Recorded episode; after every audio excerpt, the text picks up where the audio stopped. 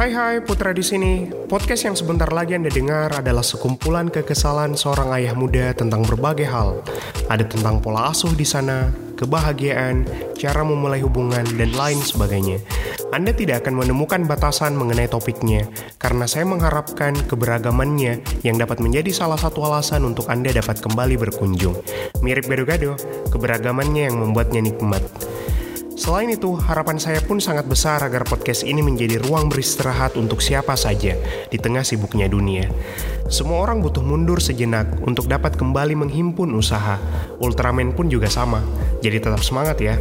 Selamat mendengarkan dan terima kasih mau menjadi salah satu orang baik yang selalu ingin berkunjung.